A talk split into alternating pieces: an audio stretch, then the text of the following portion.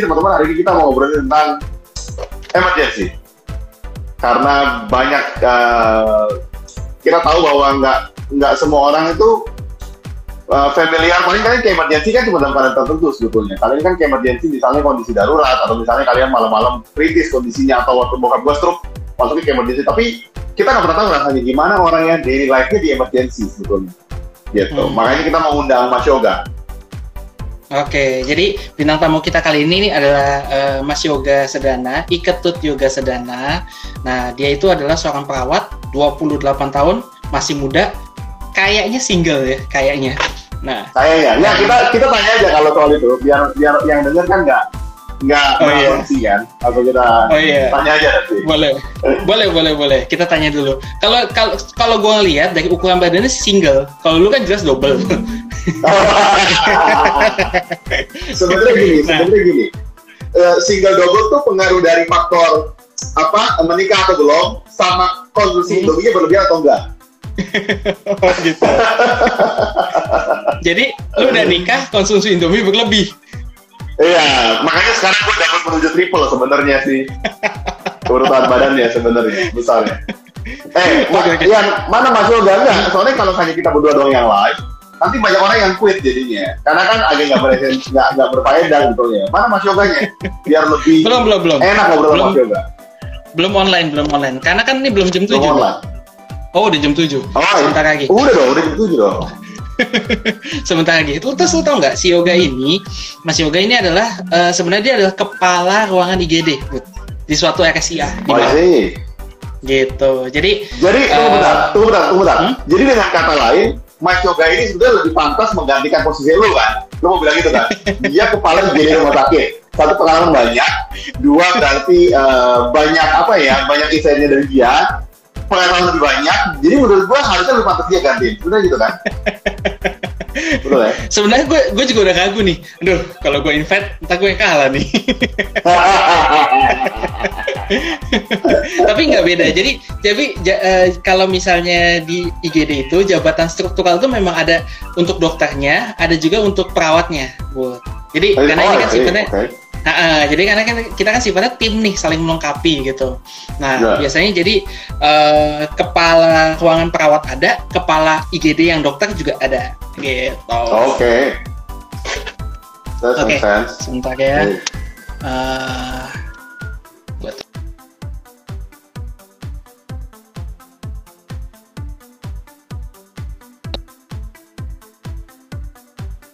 kita kita ini akan rutin bikin IG live gitu supaya hmm. uh, kita akan undang banyak narasumber-narasumber supaya kalian bisa termasukkan nih sebenarnya mungkin banyak banget hal-hal yang kalian itu sebenarnya mereka ini nyata di sekitar kita tapi kalian nggak pernah aware mereka gitu. misalnya kepala gini kayak uh, Mas Yoga ngambil undangan misalnya banyak narasumber hmm. lain yang bikin kalian itu lebih aware sebetulnya uh, praktik kesehatan tuh uh, siapa aja mungkin mereka ngapain aja yang bahkan pekerja-pekerjaan yang mungkin kalian nggak pernah nyangka itu bisa terjadi sebetulnya gitu Iya, dan dan yang yakin banget adalah mereka itu punya banyak sekali pengalaman, pengalaman dan juga cerita-cerita yang mungkin masih bisa di-share nih ke kita-kita, gitu. Karena uh, benar kata Budi, banyak banget. Kadang uh, gini ya, nggak kenal maka nggak sayang, Iya nggak bet? Hmm. Nah, betul, jadi, betul. Nah, jadi, gue kenal sama dia, kan gue pernah sayang kok gimana lu gak kenal maksud gue jadi itu perkata yang sangat masuk akal lah gue kenal sama dia gak pernah sayang Gila, gitu. bersyukur banget gue gak disayang sama lu. eh, pada nih, pada sebentar ya. Mas Yoganya udah join. Uh, gue invite dulu. Oke. Okay. Sini. Nah, terus uh, hari ini Ah. Jadi selain Mas Yoga juga berbagi pengalaman uh, pengalaman kerjanya di UGD nih, ya. Eh, oh sudah masuk. Halo. Halo. Ya. Halo Mas Yoga. Halo Mas Budi.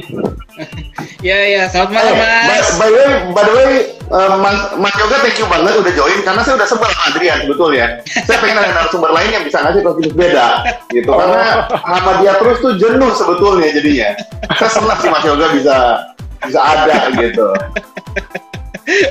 Oke, nih sekarang nih Bud, uh, lu tau nggak tagline kita hari ini kan oh. adalah energik di UGD. Guys, nah ini okay. kita ambil dari slogannya dari Instagram Mas Yoga, mudah, Wah, energik dan mantap. berbahaya.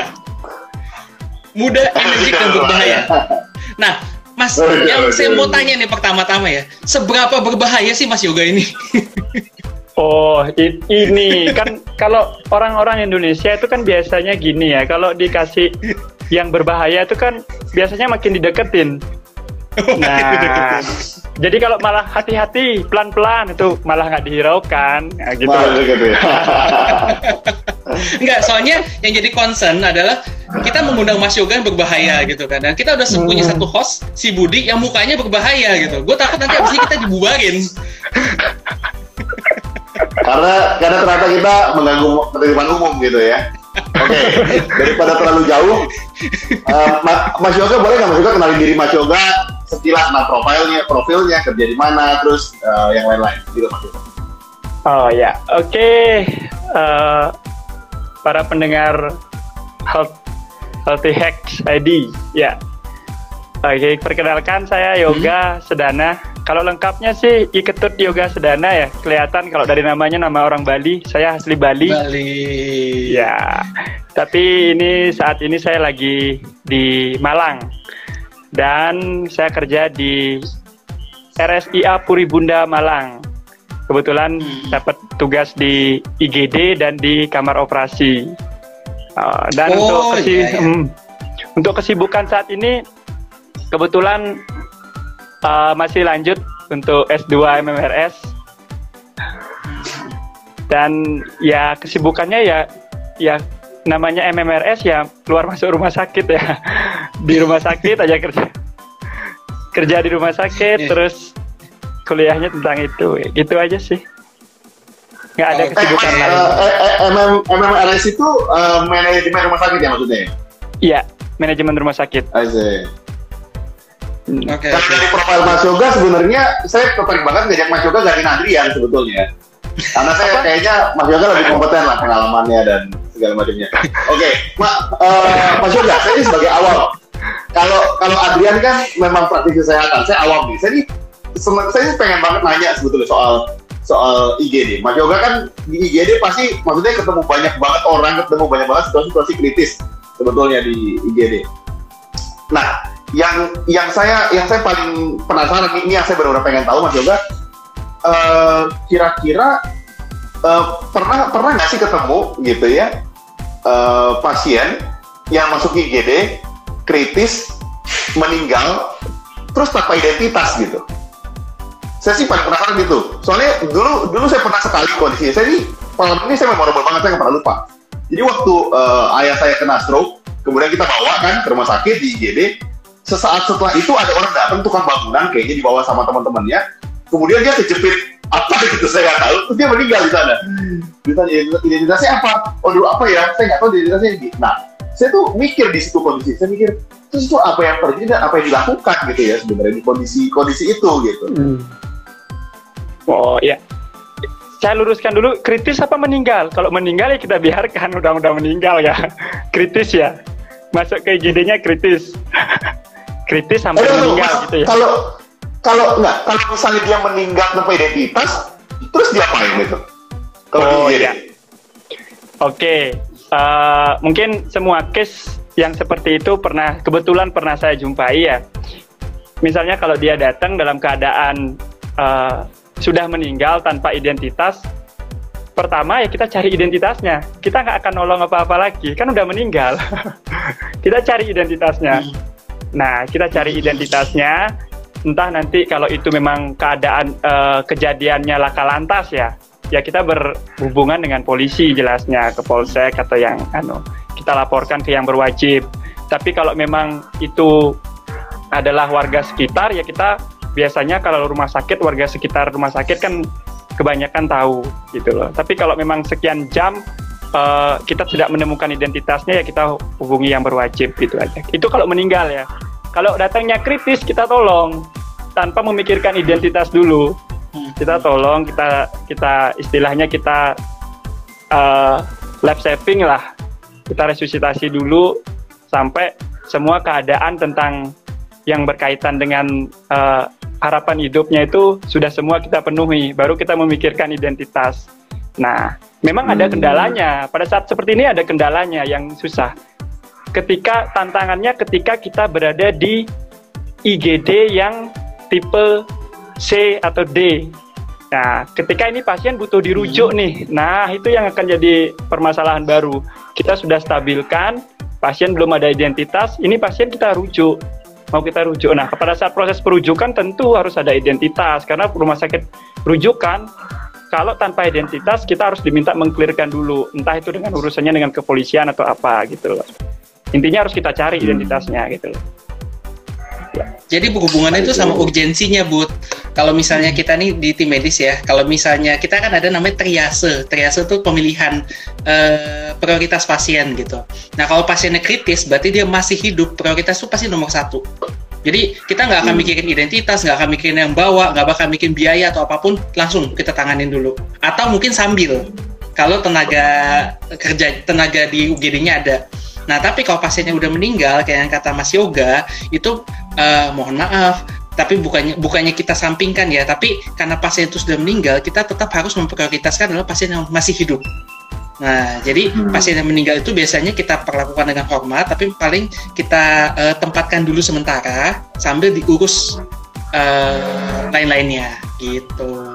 Gitu kan, Mas? Berarti sebetulnya dengan kata lain kan Mas Yoga ini sangat dekat dengan hidup dan mati ya karena biasanya orang hidup dan mati kan di UGD ya UGD itu kan antara hidup mau mati hidup mau mati biasanya kan? Ya benar bro. Untung untung untung dia bilang hidup dan mati. Untung nggak deket dengan kematian aja ya,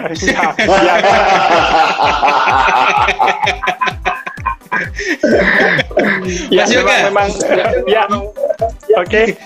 Nah, ini mau jadi perawat itu, itu emang udah keinginan dari kecil, atau mungkin jangan-jangan tradisi turun temurun nih, kakek neneknya atau ayahnya itu juga udah perawat gitu, atau gimana nih? Kenapa tiba-tiba bisa gitu seorang yoga sedana pingin menjadi perawat? Ini pengen jawaban yang klise atau yang kayak gimana? kalau biasanya oh, jawaban kalau jawaban yang klise kan pengen bermanfaat untuk orang lain gitu ya. Kan itu klise waduh, waduh, waduh. Ya, kalau saya nggak gitu jawabannya bukan gitu. Gini memang kebetulan di keluarga dari turun temurun itu belum ada yang nakes. Belum oh, ada yang oh, nakes ya. Hmm. tapi saya sangat dekat dengan rumah sakit karena sendi uh, ayah itu kerja di rumah sakit. Ya kerja oh. di rumah sakit. Jadi dari kecil tuh memang besar di lingkungan rumah sakit. Nah keinginannya yang pertama adalah bikin kerja di rumah sakit gitu loh. Kok kayaknya seru di rumah sakit itu bisa nolongin orang gitu loh. awalnya dulu. Nah seiring itu melihat apa nih profesi yang pertama kan dulu yang namanya yang paling dibutuhkan atau yang paling banyak berada di rumah sakit itu apa sih selain pegawai biasa gitu? Ya perawat. Nah dari sana saya berpikir oh kayaknya jadi perawat. Dan itu harus dipupuk terus dengan melihat hmm Ya seperti itu. Oke. Okay, Jadi, okay, okay. Ya, tapi ta, kalau ini, ini, ini sebenarnya agak ini agak menyimak dikit sih Mas Yoga sebenarnya kalau kalau misalnya hmm. boleh tanya. Kan kalau kita dengar Indonesia ya, perawat tuh identik sama perempuan sebetulnya. Kalau kita dengar gitu, perawat yeah. tuh biasanya itu perempuan gitu. Nah, pada waktu sebenarnya Mas Yoga di kondisi realnya jumlah gender ini berbanding sama nggak sih? Laki-laki perempuan tuh sebenarnya sama aja perawat gitu jumlahnya di lapangan. Nggak, memang Mas memang kalau pada Mas Mas Yoga kalau misalnya merasa uh, pertanyaan terlalu berat nggak usah dijawab juga nggak apa-apa. Soalnya Budi ini masih kecewa gitu. Pas gue bilang mau bilang undang perawat, di bayangan dia adalah perawat cewek gitu.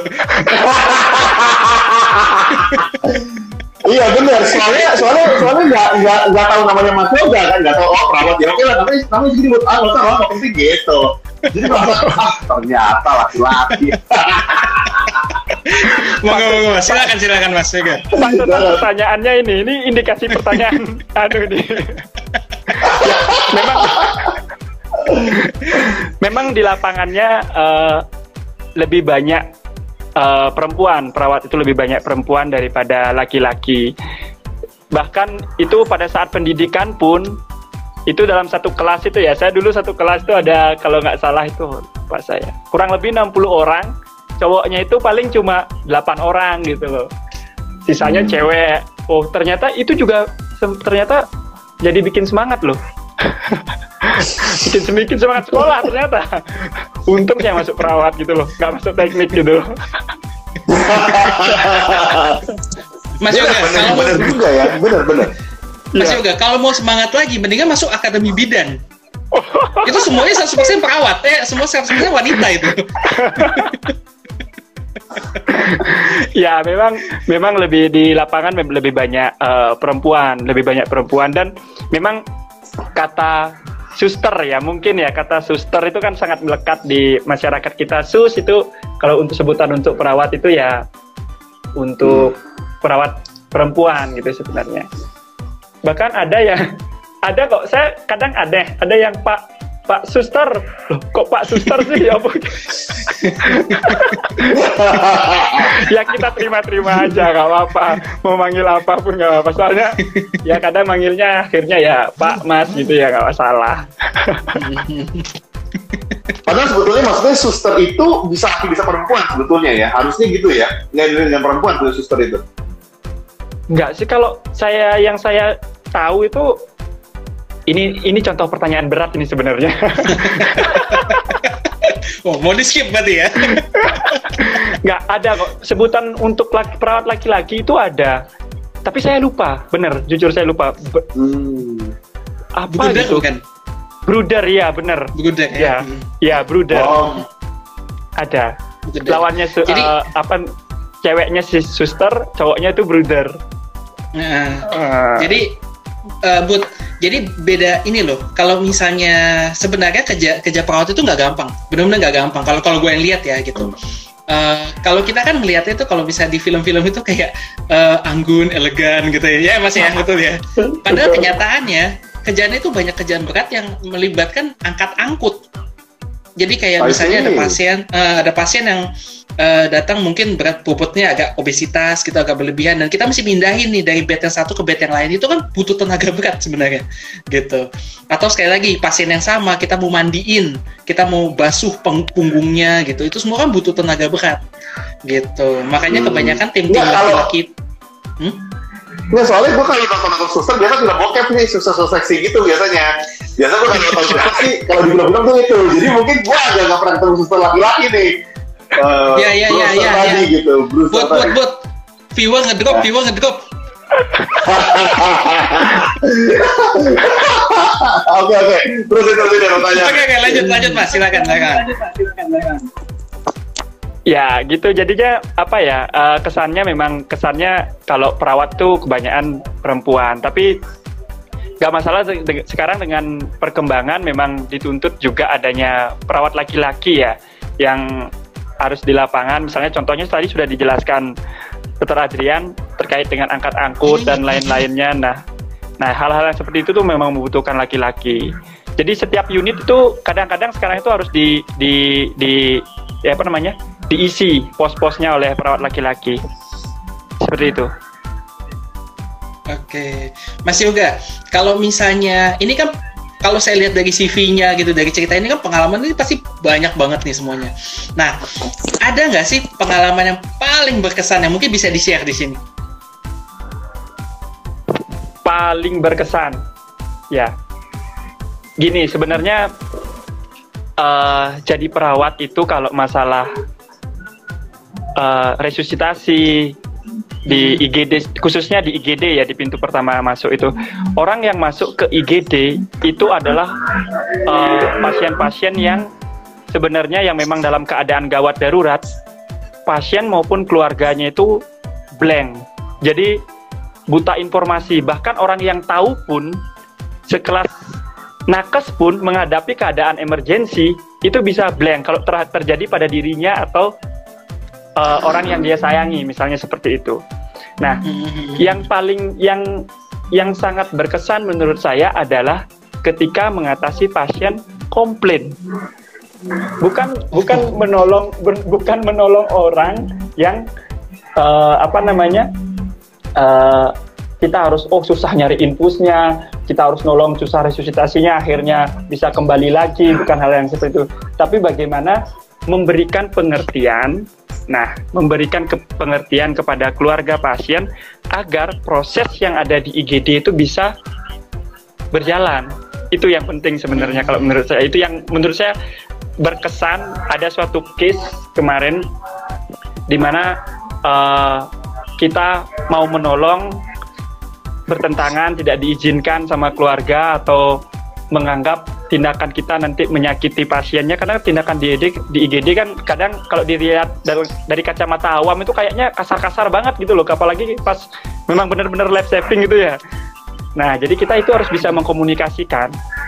Nah kadang komunikasi itu nggak nggak nggak selancar yang kita kira gitu loh nggak selancar. Bahkan harus otot-ototan sampai akhirnya si pasien atau si keluarga pasien itu paham hmm. tak jarang ya bahkan sampai memang mungkin kalau ada CCTV terus direkam tuh seru kayaknya.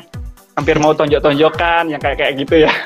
Ya tapi itu memang tugasnya kita yang memberi penjelasan kita paham orang yang masuk ke dalam IGD dalam menghadapi keadaan seperti itu itu biasanya ngeblank jadi kita yang harus memberikan pengertian gitu aja sih kalau dari saya bagaimana kita memposisikan diri kita karena yang kita hadapi adalah orang dalam kondisi yang terburuk. Betul ya mas iya. Iya. Hmm. Gitu. Hmm. kita buat uh, lu hmm. makanya sekali-sekali lu main di UGD uh, lu datang ke sana lu bawa keyboard lu nyalain musiknya gitu kan lu mainin musik. Kalau misal IGD-nya lagi suasana rame lu mainin musik yang sendu kayak gitu bud. Oh Setahu boleh gue diusir karena gue gak berkepentingan kan? Enggak, lu diusir karena di depan lu udah kaleng kosong, lu minta receh. Tapi tapi gini ya, gue gua nggak tahu tapi pengalaman di UGD itu IGD itu apa ya kayak uh, tension gitu. Karena semua orang kondisi darurat kan. Maksudnya semua orang tuh kondisi panik. Jadi semua orang tuh minta diperlakukan nomor satu. Pasti Mas Yoga hmm. ngalamin banget kayak begini. Eh, ini nih nah, tolong iya. pasti didiemin. Gitu. mungkin dia nggak sekritis yang lain gitu. Kayak misalnya waktu waktu dulu apa ya gue uh, teman kantor ada yang pingsan tiba-tiba ulu hatinya kena nggak tahu dibawa ke UGD nah dokter cek ini nggak apa-apa nih pulang aja dia bilang aduh masih sakit tapi nggak apa-apa dia bilang gitu maksudnya karena ada yang lain yang benar-benar kondisinya kritis gitu.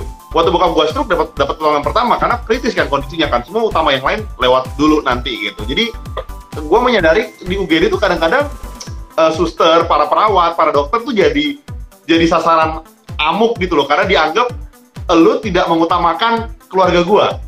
Padahal yang lain tuh lebih yeah, iya. lebih dia mati-matian gitu sebenarnya. Iya, Mas Yoga betul ya kayak gitu banget. Persis seperti itu, karena yang datang ke rumah sakit itu jangankan ke IGD ya, semua orang yang datang ke rumah sakit khususnya itu pengen cepat-cepat. Ya, pengen cepat-cepat, cepat di cepat ditanganin, cepat diperiksa, cepat pulang gitu semuanya pengen. Kecuali mungkin kalau rumah sakitnya ada kalau anak-anak ada playgroundnya mungkin betah dia di sana ya. Tapi pada umumnya semua yang datang ke rumah sakit itu pasti pengen cepat-cepat. Apalagi dalam keadaan merasa dirinya lagi bermasalah datang ke IGD. Nah, sekarang kita kan memilah tuh seperti yang dikatakan Dokter Adrian tadi. Me, kita memilah pasiennya, kita memilah dan memilih mana yang harus kita tangani terlebih dahulu. Menurut kita, nah itu yang sekarang. Menurut kita, dia itu nggak urgent gitu loh. Tapi menurut dia terhadap dirinya, oh kok saya nggak ditanganin? Nah itu jadi me menyampaikan persepsi uh, penilaian kita terhadap ke persepsinya si pasien itu yang jadi kunci sebenarnya. Sebelum kita diamu, kita kasih tahu aja gitu ya, dulu. Ya, iya, sebelum kita diamu kita kasih tahu dulu. Eh, kita harus bla bla bla bla bla bla sebelum kita diamu. Oh, benar. benar, benar. Gini, uh, uh, yang gue gue pengen tanya lagi ke Mas Yoga. Jadi ini mungkin hmm. pertanyaan karena sebagai awam, jadi gue tuh pengen tahu karena kan pastilah kita tuh banyak banget hal-hal yang kita tidak tahu sebetulnya dan kita jadi berasumsi buruk sama IGD. Mas Yoga hmm. pernah nggak ngalamin kondisi? Misalnya gini, uh, dia kena usus buntu misalnya, udah sakit kondisi kritis misalnya ya, terus nyampe UGD. Nah ternyata dokter spesialisnya belum ada gitu. Pernah nggak kondisi gitu? Uh, terus apa yang apa yang dilakukan biasanya gitu? pernah. Pasti pernah yang hal-hal yang seperti itu pasti pernah. Gini gini mas.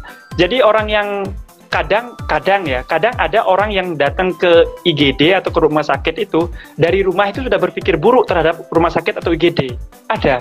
Jadi di sana itu aku pasti nggak bakal diapa-apain nanti di sana gitu yang ada yang berpikir jadi nyampe sana itu dia udah ngegas duluan. Itu ada. Hmm. Nah karakter yang seperti itu tuh harus cepat kita kenali dan cepat kita atasi dengan omongan yang jelas dengan penjelasan nah dari case nya Mas Budi tadi uh, ketika ada hal seperti itu tentu di IGD itu kan ada proses namanya usus buntu kan nggak langsung ujuk-ujuk langsung dioperasi kan nggak seperti itu. Ada proses stabilisasi, ada proses resusitasi, ada proses stabilisasi. Nah, jadi kita stabilkan aja dulu tuh pasiennya. Kalau dia memang nyeri dan itu memang benar-benar sudah usus buntu, ya kita tanganin dulu uh, ininya. Kayaknya Kimas Budi nge-free sih. Oh, gitu oh, ya. Enggak, enggak, enggak, enggak, enggak Mas Yoga. Emang emang begitu dia. Kalau dikasih informasi yang sulit, dia langsung begitu. Oh, pantas. Uh, uh, gitu. Jadi jadi dia aja gitu. gitu yang loading itu bukan videonya. Otaknya. gitu. Enggak apa-apa, enggak apa-apa. Lanjut aja Mas, lanjut aja. Anggap aja ya, gitu. lalu gitu. Emang nyangkut aja otaknya ini. ya gitu, jadi jadi nggak ujuk-ujuk langsung langsung operasi gitu enggak. Jadi kita jelaskan kalau memang ini kita stabilkan dulu seperti ini seperti ini. Dan memang kalau uh, pada saat kita konsulkan itu ada bisa dikerjakan entah itu nanti atau kapan oleh dokter spesialisnya, ya kita jelaskan ke pasien atau ke keluarganya. Tapi kalau tidak, ya kita rujuk. Itu aja. Jadi yang penting itu kalau di UGD hmm. itu penanganan pertama ya Mas ya? Yes, betul. Hmm, penanganan pertama karena kalau misalnya kita udah berbicara tentang spesialis itu udah penanganan secondary atau penanganan lanjutan. Iya. Gitu. Oke. Okay. Nah, terakhir nih Mas, terakhir. Uh, ada nggak sih tips trik karena karena kan uh, follower dan sobat healthy ini juga sebenarnya banyak nih anak-anak akper ya yang lagi oh. bercita-cita menjadi seperti Mas Yoga. Nah, ada nggak sih tips sama trik yang mungkin bisa dikasih nih kepada junior-juniornya gitu? Asik. Uh, gini ya, kalau sudah lagi sekarang lagi menempuh pendidikan perawat, ya khususnya atau yang sejawat saya yang sedang sudah berada di menjadi perawat, intinya yang pertama adalah niatin dulu, ya niatin dulu. Ini benar kerja uh, yang dijelaskan Dokter Adrian tadi, ini kerjaan nggak mudah, ya. Hmm. Ini kerjaan nggak mudah, banyak resikonya, makanya niat itu penting di awal. Terus yang kedua adalah kalau sudah niat, kalian adalah orang beruntung, ya. Kalian adalah orang beruntung kalau sudah niat. Terus kalau sudah ada dua dua pemikiran itu saya yakin masalah kuliah masalah apa pasti akan lancar dan yang paling penting adalah kekuatan kita kalau perawat ya khususnya ya kalau perawat itu tidak hanya di skill tapi di kecakapan komunikasi. Itu yang paling penting sekali kalau menurut saya. Jadi pada saat masih di pendidikan latihlah itu terus. Jangan diam-diaman sama teman-teman. Ya diajak aja bikin masalah terus diselesaikan terus itu. Kalau yang punya pacar okay. bikin masalah diselesaikan gitu. Gitu aja terus. Itu akan membantu sebenarnya. Bagus nih. Bagus nih Benar mas, mas. sih sebenarnya. Nah, nah itu. Kan? Gue setuju banget. Berarti seperti kata Budi, buat ngelatih skill kita bikin masalah sama pacar gitu ya? Iya benar.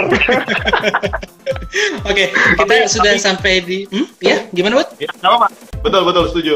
Hmm, kita udah di penghujung acara nih dan kebetulan ada satu pertanyaan nih dari uh, akun Melisaika. Nah ya, dia menanyakan hmm. prosedur penanganan pasien selama pandemi gimana ya?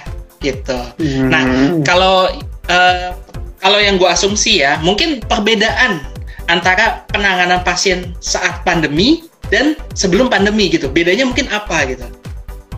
Hmm. Mungkin di uh, apa namanya di IGD uh, eh, RSIA-nya Mas Yoga gitu apakah gimana? Bisa ceritain? Oh. Ini berarti bukan menangani pasien COVID ya, berarti menangani pasien secara keseluruhan pada era pandemi, seperti itu ya? Hmm, gitu. Apa sih ah, bedanya? Okay. Bedanya adalah di uh, pertama atau atau apa namanya pertemuan awal. Jadi pada saat asesmen awal kita harus melakukan screening. Nah hmm. itu kalau dulu itu kalau dulu itu memang kita melakukan screening, tapi screeningnya memang ada aturannya. Aturannya itu berdasarkan screening dari triase. Tapi kalau yang sekarang ini sudah ada panduannya. Nah panduan itu yang kita tetapkan. Jadi pertanyaan-pertanyaan tentang screening itu itu yang akan kita uh, lakukan dulu di uh, ke pasiennya. Nah, kalau untuk hmm. tindakan, gimana nih kalau pasiennya nggak bisa ditanya, datang-datang udah pingsan aja, terus apa yang kita lakukan? Ya kita pisahkan sampai kita nyatakan atau kita uh, dapatkan informasi yang jelas.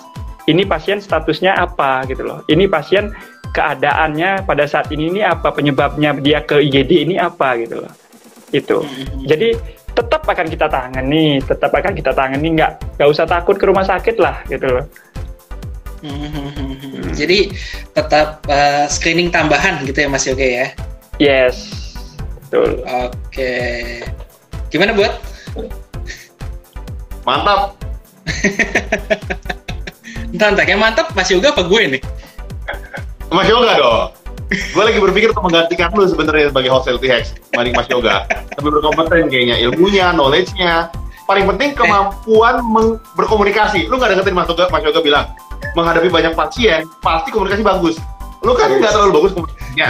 Pengen gue ganti emang sebenarnya. Eh, setidaknya dalam setengah jam durasi kita, gue nggak muter-muter, Bud. Oke, oke. Buat sobat healthy hacks yang lain, kalau misalnya ingin seperti Mas Yoga menjadi bintang tamu dan nge-share pengalamannya di bidang medis, jangan lupa ya screenshot IG live kita dan tag secara manual healthy hacks. Nanti uh, posting kalian akan kita highlight di IG story kita dan kemungkinan bisa terpilih untuk sebagai bintang tamu kita yang selanjutnya. Gitu. Oh, dan juga asik sekali. Oke, dan juga untuk uh, sobat kita yang mungkin baru joinnya belakangan, nggak usah khawatir, nanti IG Live ini akan kita posting di YouTube channel kita. Jadi bisa nonton dari awal sampai akhir, melihat bagaimana cerita Mas Yoga, melihat sendiri gimana caranya muter-muter si Budi, itu semua ada. Harus disebut deh, awas tuh ya.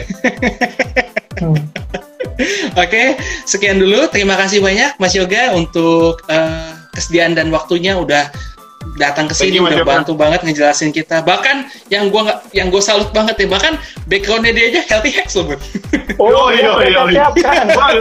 sebenarnya. Sebenarnya ini yang bikin telat tadi. Dipanggil-panggil nggak muncul tuh gara-gara ini, nggak connect-connect dia. Sup, sup, sup. Terima kasih banyak Mas Yoga ya. Dan buat sobat yang lain, sampai ketemu di episode IG Live selanjutnya. Stay healthy, Stay alive. Bye. Bye.